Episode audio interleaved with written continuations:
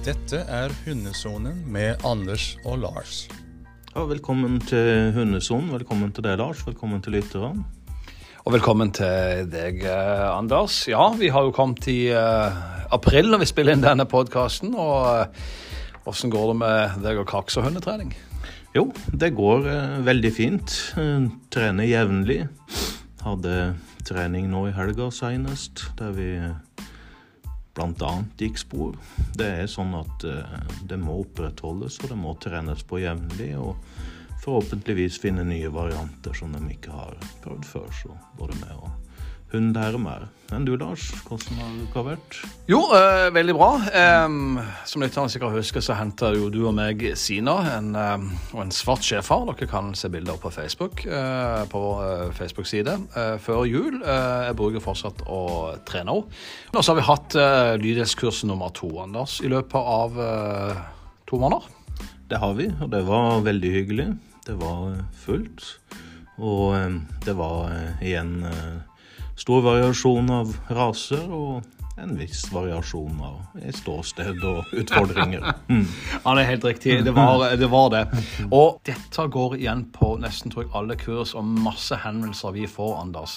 Nemlig med uønska atferd. Og uønska atferd er en atferd som uh, av en eller annen grunn ikke eieren liker. Uh, og det kan være unoter som, som hunden har. Og, og vi tolker jo også unoter forskjellig. Vi tolker unoter veldig forskjellig. Så er det klart at eiere som opplever når det ringer på døra eh, Hvis hun begynner å knurre litt innenfra når disse gjestene skal komme og sånt nå da, etter å ha bjeffa, eller at du kjenner at eh, det er en litt, litt alvor i det når den begynner å utagere mot andre hunder, så er det forståelig at dette er, er utfordrende for Og, familien. og, og lyst, jeg har lyst til å, å dvele akkurat litt med knurring, faktisk. Og jeg tror vi har omtalt det før, eller så har vi gjort det i boka vår, jeg er litt usikker. Men, men akkurat dette her, den litt dype For det er forskjell på knurring, eh, mener jeg, altså. Altså, jeg ville reagert kanskje mest på flekking av tenner, faktisk. Det ville jeg reagert mest på disse tydelige signalene på som Øret ligger bakover. Ja, helt rett. Og tydelige signaler som til oss sier at jo, jeg, jeg kommer til å, å bite, og trenger avreagering der, da. Og så er det litt forskjell på den der litt dype bassknurringa kanskje mot en annen hund, som ikke trenger å være så så farlig. Alvor. alvor. er- er det en unote? Er det uønska atferd? Det kan en jo òg lure litt på, da. Altså, eh, eh, Der har vi det sikkert litt forskjellig, da. Altså, hvis en annen hund kom tett på min, og jeg hørte litt av den der eh, 'nei, hold deg vekke', så syns ikke jeg det er en krise, da. Men hm? Nei, jeg er jo, jeg er jo enig, og, og for meg så er knurring eh, Det at en hund knurrer, det er jo et eh, det, jo, eh, det er jo en kommunikasjonsform, og det er en advarsel, for å si det sånn. Og så er det forskjell, som du sier, også på knurringa. Er det alvor eller er det ikke alvor, er eller er vi ute og tøffer oss litt? Og dette forstår kan være vanskelig for hundeeiere, men jeg kan si det såpass at hvis noen av dere lurer på om dere skal fjerne knurringa, så sier jeg nei. Og øh, ja, Det er iallfall min tanke. Eh, det er En del av hundens atferd er nemlig knurring. Og Spesielt hvis du har hunden hjemme, og, og det er, om det er barnen eller hva han knurrer litt sånn på. Fordi at det er hundens måte å si fra på at ja, men nå er det nok. Nå vil jeg ha fred. Ja, og jeg er jo helt, helt sikker på i de tilfellene Og det, det er jeg jo helt enig i, at han står litt og sier «Mm», i buret sitt eller i bilen uten at folk går forbi. Det syns jeg ikke er farlig, og viser seg veldig ofte at den er avreagert med en gang og kan gå ut og møte og hilse på osv. Og, og tilbake til den atferden som jeg syns er skumlere, da, når jeg veit at hunden nå må jeg, nå må jeg opptre riktig, eller så så kan man absolutt bite med. Så er det fortsatt dette her tanken om at nå skal jeg ta den skikkelig hardt. Hvis det er usikkerhet, så blir en ikke mer sikker av det i det hele tatt. Nei, det er en dårlig idé å ta hunden som knurrer. Eh, jeg er jo enig i det. Og, og når du sier hunden avreagerer, så er det for å være litt tydelig på det, da, så betyr det bare at hunden finner på noe annet og er happy etterpå. Da har hunden uh, Eller nesten happy, altså da finner han jo på noe annet å gjøre, for å si det sånn. Ja, at uh, hvis Vi går videre. Det er egentlig det vi gjør på avreagering. Ja, det er det. Ja. Og da eh, skal jeg over til litt som, eh, som vi har fått mye henvendelser på, eh, på kurs, og det er at eh, bikkja utagerer, bjeffer på andre, bjeffer på sykler, på biler, på folk. eh, masse den ting. Og det er også folk som har uh, tatt kontakt og ønsker altså uh, bli kvitt dette problemet. Og de lurer også på om kursene våre om de fokuserer på dette. Da har det gått noe galt på veien, tenker jeg. Uh, når hun har kommet dit hen at han begynner å utagere på alt alle. Ja, og igjen da, så, så, har jeg opplevd eiere som kommer på kurs til oss og sier det er en utagering, men hun er egentlig litt høyt i driftene og glad og happy og bjeffer, men når det kommer til den virkelige utageringa, så har han latt det gå eh, langt. Og det beste rådet for min del, det er jo det vi snakker om i men når en starter å få hunden å unngå dette her, for det har ofte fått etablert seg så, så voldsomt for, for, enkelte. Og òg det vi ser når vi har valpekursene, så ser vi jo mye mindre av den atferden. Og hunder som er lettere å få til å fokusere, for dette er noe som har fått bygd seg opp gjennom disse ulike fasene, utviklingsfasene til hunden. Og jeg har iallfall sagt på kurs noen ganger, og ofte er denne uttaginga og bjeffinga det er mer flaut for oss tror jeg, enn det er for hundene. Og så begynner vi å korrigere de, og så er det det ene og det andre og brøler på hunden, og da er vi med på å bygge opp den aggresjonen eller denne utageringa. Ja. Jeg har møtt uh, hunder som utmerket godt kunne blitt godkjente, sikkert både i forsvar og norske redningshunder og mange plasser, der eieren uh, forteller hvor flaut dette er. Og når jeg ser på det, så er det fryktelig lite. og... Ingen aggresjon og ingenting, men det er liksom at det er så flaut. Og det av og til tenker vi må gå litt i oss sjøl òg, at hund er en hund og bjeffer. Da, da kommer det ut. Men eh, det som vi gjør iallfall eh, på våre kurs med hunder som bjeffer, vi tar de inn. altså De får jo en slags eh, Det er jo kontakt som er stikkord her, og så få hunden til å fokusere på deg i forhold til alt annet som skjer. Og jeg tenker en fin måte å gjøre det på er jo akkurat nettopp med masse hunder rundt seg. Jeg tenker det er veldig fint, og der får en òg se litt på eh, En må jo introdusere av og til dette gradvis, da. Men eh, det er jo det å trene på det i kontrollerte settinger sammen med folk som vet hva du trener på, det er måten å gjøre det på, veien å gå. Det er jeg helt sikker på. Men Hvorfor tror du så mange uh, tar kontakt med Det er jo dette altså, det går pent i bånd som det ser ut som folk sliter med. Ja, det er det. Um, ja, det er mangel på, uh, på det med å trene samarbeid, lydighet, som vi snakker om. At en faktisk uh, ikke gjør det, og ikke legger ned tida i det, og ikke prioriterer det. En er veldig opptatt Før de må. Ja, og da, da, da, kan det være seint. Da er det mye å jobbe med noen ganger. altså. Ja, en er veldig opptatt av uh, at de er trent fysisk. Det er folk veldig, veldig opptatt av. Og mange er flinke til å gå lange turer. Og så kunne en kanskje gått uh, av og til en litt kortere tur, og, og da har en jo fortsatt uh, En har tid til det. Det er en prioriteringssak. Og uh, det å ville det, ønske det, oppsøke kompetente folk og trene sammen med. Ja. Det er det. Og så tenker jeg eh, det som er med hunder som utagerer på andre, og du var litt inne på det. Det går an å trene kontrollert, finne noen hundevenner, nærme seg på avstand, men alt, alt i alt så bygger det på hvor mye kontakt du greier å få med hunden din før den blokkerer totalt ut mot det andre. Og Da er det suksessiv tilnærming. Om du så må begynne fra en kilometers avstand, hvis det er det du må begynne med for å få kontakt med hunden din, så, så gjør du det. altså. Så får du heller nærme deg mer og mer, slik at hunden forstår uh, at dette normalatferden den er faktisk bare så vidt å gløtte litt på hverandre. Kanskje lite bofs. Ja, det er det. Og jeg syns òg det er veldig viktig uh, dette her når en da likevel går tur med hunden. og kanskje når det ikke er båndtvang, så springer en løs og sånt noe. Dette med å etablere et forhold der du kan belønne hunden, det mener jeg er kjempeviktig. Altså hunder som har mye jakt i seg, kanskje det de gjør er å bli sluppet på jakt. og du har ikke noe samarbeid, det er ikke et forhold til å please eieren. Det har vi sett på kurset, og da blir det veldig vanskelig. Ja, drivende gode jakthunder, men utrolig dårlig med De er så veldig selvstendige at de har på en måte, man har ikke fått etablert det samarbeidet med hunden i ung alder. Ja, og eh, da er det avgjørende at en eh, eh, det, det, blir veldig vanskelig hvis hunden ikke har noe forhold til belønninger fra eieren, noe forhold til å please eieren. Og da, da, da er, det vanskelig. Mm. Og mange av disse problemene har også en sammenheng, tenker jeg. Altså Det ene baller på det andre, og frustrasjonen til eieren kommer i tillegg. Og blir, man blir høylytt, og det blir nei tusen ganger og, og, og sånn. Så, så, det er en sammenheng. Så, så når dere får valp, ta nå et kurs et eller annet sted med kompetente folk. Og lær dere å samarbeide med hunden. Om det er jakthund eller ei fra børjan av. Da unngår dere mye mer problemer. Og så er det jo sånn, og jeg sier det rett ut for å sitere en slektning av meg som en gang sa jeg har hatt hund i 50 år. Jakthunder. Og jeg tenkte ja, men du kan fortsatt ingenting om hund.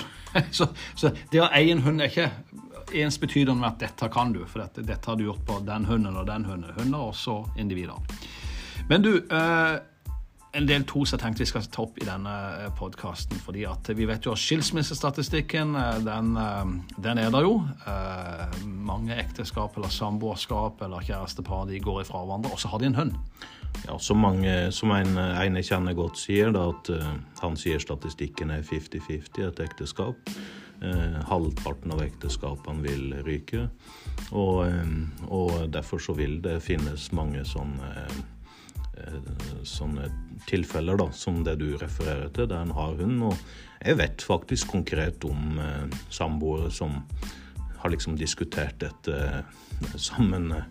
Eh, ja, hva hvis, og hvem skal ha hunden? Og eh, da kan det være lurt kanskje ikke bare hva hvis, men eh, vi skal jo Hva juristene sier, det kan jo være én ting, da. Men det å ha ha en, eh, en, klar policy på det, vite hva en vil. Og så framfor alt òg dette tror jeg gjelder eh, at, at, når det skjærer seg, så kan en glemme det mest objektive. At hva er faktisk det beste for hunden? Det blir så mye andre følelser i det. Da. At en greier ikke å se hva som Kanskje en det, det var, kanskje, kanskje, det var kona mi gikk fra meg, og jeg greier faktisk ikke å se at jo, men hunden har det best hos det. Mm. Og en ting som i hvert fall jeg vil slå fast, 50-50 tror jeg ikke er noe deling på hund. altså Sånn som de gjør med barn noen ganger. Det, er, det tror jeg ikke en hund har godt av å skifte eh, miljø. Og det som du sier, det er jo litt hvem som har hatt mye forhold til, til hunden nå. Men du, vi skal høre litt grann, uh, om akkurat det temaet her. Hundesonen er ute i naturen sammen med advokat uh, Kjartan. Og det er jo sånn, det er jo fint å gå på familietur med, med hunden som kan springe rundt. og egentlig koser seg ute sammen med familien og føler seg som en del av flokken. Men så er det jo sånn ofte Katana, at eh, mange familier splittes opp.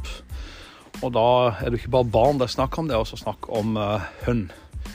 Og hvordan løser man sånne saker der uh, familier går ifra hverandre, altså blir splittelse, og det blir full krangel om, om hvem som eier hunden? Ja, det er jo litt ulike regelspor alt etter om du er ektefelle eller samboer. Eh, men eh, reglene for hvordan du eh, fordeler hunden, den er jo på sett og vis lik.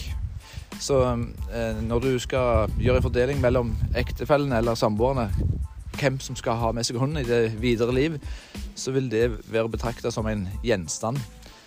Så når du skal fordele hunden, så vil den ikke bli fordelt sånn som du fordeler barn. Men den er jo, selv om han er et levende vesen, han vil eh, til tross for det bli å betrakte som en gjenstand. Så derfor eh, Den fordelingen der er veldig vanskelig, kan være. Det, ja, for det er ofte eh, følelser knytta til dette å eie en hund. Og så er det ofte eh, mange ganger så er det jo én som, som, hunden er registrert på, hvis den er registrert i, i kennelklubben. Er det den som blir eieren da, eller? Ikke nødvendigvis. Eh, for det er jo gjerne sånn at ektefellene eller samboerne seg imellom finne en praktisk løsning for at du står som eier, men i realiteten så er kanskje begge eier, eller kanskje faktisk den andre eier i realiteten. Så, så det er noen vanskelige grensedragninger der. Og, det, og, som du sier, det er veldig mye følelser knytta til det med hund. For det er jo et levende vesen, men til tross for det så blir det behandla som en gjenstand i en eh, skilsmissesak. Eller... Ja, rent juridisk. I rent juridisk, ja. Mm. Har du vært borti sånne tilfeller? Ja, jeg har vært borti sånne tilfeller. Og eh, de det er jo klart Det er jo mest opprivende med eh, dette med eh, den, den, tiden du skal få med dine barn, og, og fordelingen av den. Men eh, det med hund, det er, kan være veldig opprivende, det òg, altså. Eh. Men, men er, er, det noen løsning å fordele Hunder blir vel kanskje mer forvirra, men er det noen eh, løsning å fordele hunden litt liksom som du kanskje gjør med barna, uten sammenligning for øvrig?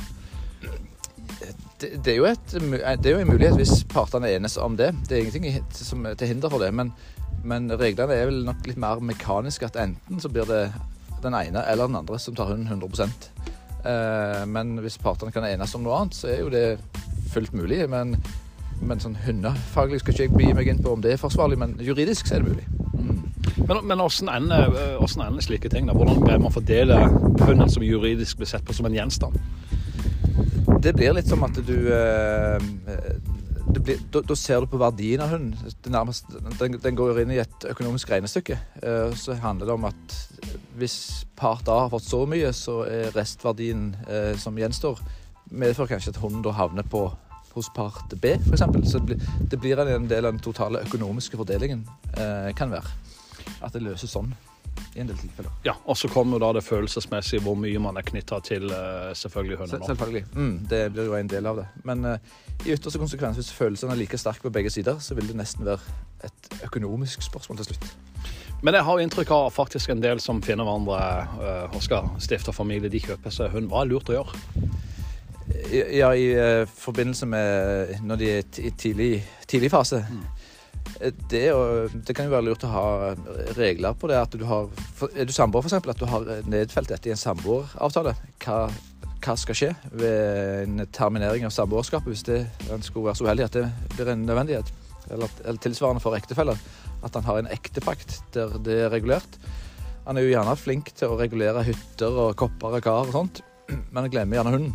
Eh, eh, og den bør òg nedfelles i samme type dokumenter, sånn at han har forutberegnelighet for hva skal skje ved, en, eh, ved et samlivsbrudd. Det, det er det beste for, for alle parter, òg hunden.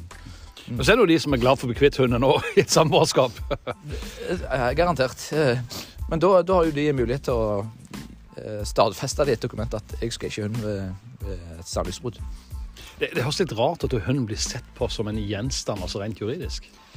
Det har du helt rett i. Og der er jo eh, i andre stater eh, som eh, har Noen vil kanskje hevde at de kom lenger. Jeg, jeg mener å huske at i Australia så er det vel nå eh, rettslig anerkjent at en hund ikke skal bli ansett som en gjenstand, men at han blir ansett som et eh, levende individ som ikke skal bli behandla så mekanisk, sånn som vi f.eks. gjør i Norge per i dag. Da. Og det er prosesser, så vidt eh, jeg er kjent med, som prøver å endre på det òg her internt i Norge. Men hva slags lov kommer eh, da hønen inn under som gjenstand? Eh, Det er kjøpsloven som er den gjeldende for Altså når du handler og kjøper hund, så er det jo kjøpsloven. I, i, en, i et samlivsbrudd så, så blir det jo enten ekteskapsloven eller obligasjonsrettslige regler, som vi kaller det i jussens verden, som styrer fordelingen av hunden. Men har det ingenting å bety Jeg kan jo si For min del så er det jo meg som har kjøpt eh, hunden eh, i et ekteskap eh, som, som jeg har nå. Eh, Har ikke det noe å bety?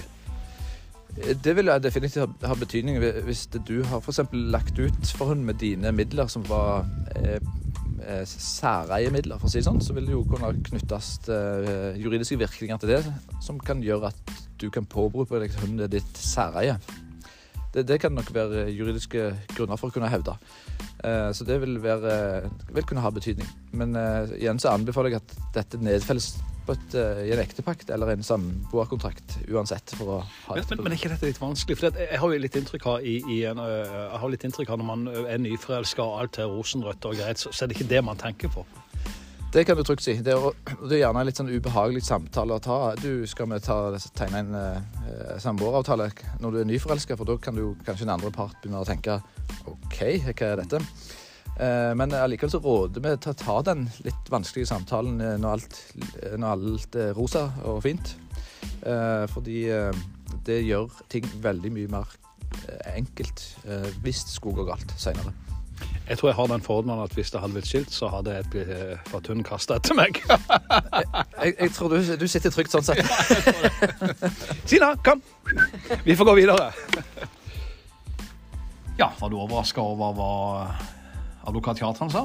Nei, ærlig talt så var ikke det. Eh, når jeg tenker på eh, eh, hvordan en betrakter eh, dyr i Norge, så ville det vært overraskende for meg at det var annerledes for en hund enn det var for en gris eller en ku. for å være helt ærlig, da. Selv om at vi ser det veldig annerledes. da. Så rådet er jo rett og slett å sette opp en kontrakt, så er dere sikre på hvordan eh, dette må tilbake i vei. Du, denne sendinga her, den er eh, slutt. Vi er jo tilbake om eh, 14 eh, dager, Anders, og da skal vi snakke litt om eh, lydighetstrening, og vi skal snakke litt om, eh, om eh, trim av hund. Det skal vi. Så eh, ja, eh, takk for nå til lytterne, og takk til deg, Lars. Og vi høres så lenge. Hei, hei! Dette er Hundesonen med Anders og Lars.